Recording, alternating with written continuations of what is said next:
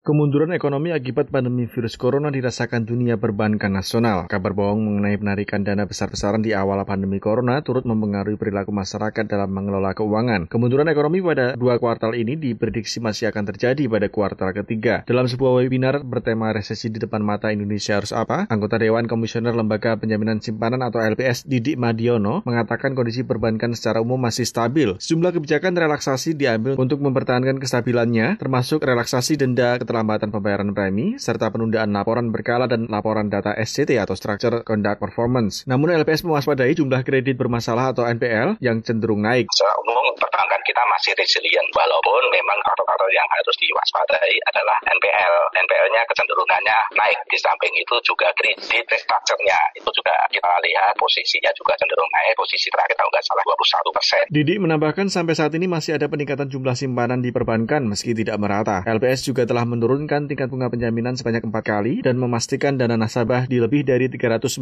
juta rekening masih aman. Deputi Komisioner Pengawas Satu Perbankan Otoritas Jasa Keuangan atau OJK, Teguh Supangkat mengatakan lembaganya telah mengeluarkan sejumlah kebijakan terkait mitigasi dampak corona. Kebijakan itu diterapkan untuk menjaga likuiditas perbankan dan stabilitas pasar keuangan dan sistem keuangan nasional. Dari sisi otoritas jasa keuangan, kami ini udah mengeluarkan beberapa kebijakan stimulus untuk mendukung program program ekonomi nasional, yaitu baik dari sisi stimulus sektor perbankan, stimulus sektor IKNB maupun dari sisi stimulus dari sektor pasar modal. Kepala Ekonom Bank Mandiri Andri Asmoro menyebut stimulus global dan domestik akan memperkuat likuiditas bank. Namun di masa depan, stimulus yang diberikan diharapkan tidak hanya sekedar untuk membuat sektor industri dan usaha kecil menengah atau UKM mampu bertahan, tapi juga memiliki daya saing. Jadi kebijakannya stimulusnya lebih untuk menolong supaya recovery-nya terus berlanjut. 2022 sampai 2025 kebijakan yang sudah dimulai dari sekarang dipikirkan adalah bagaimana kita tetap mendorong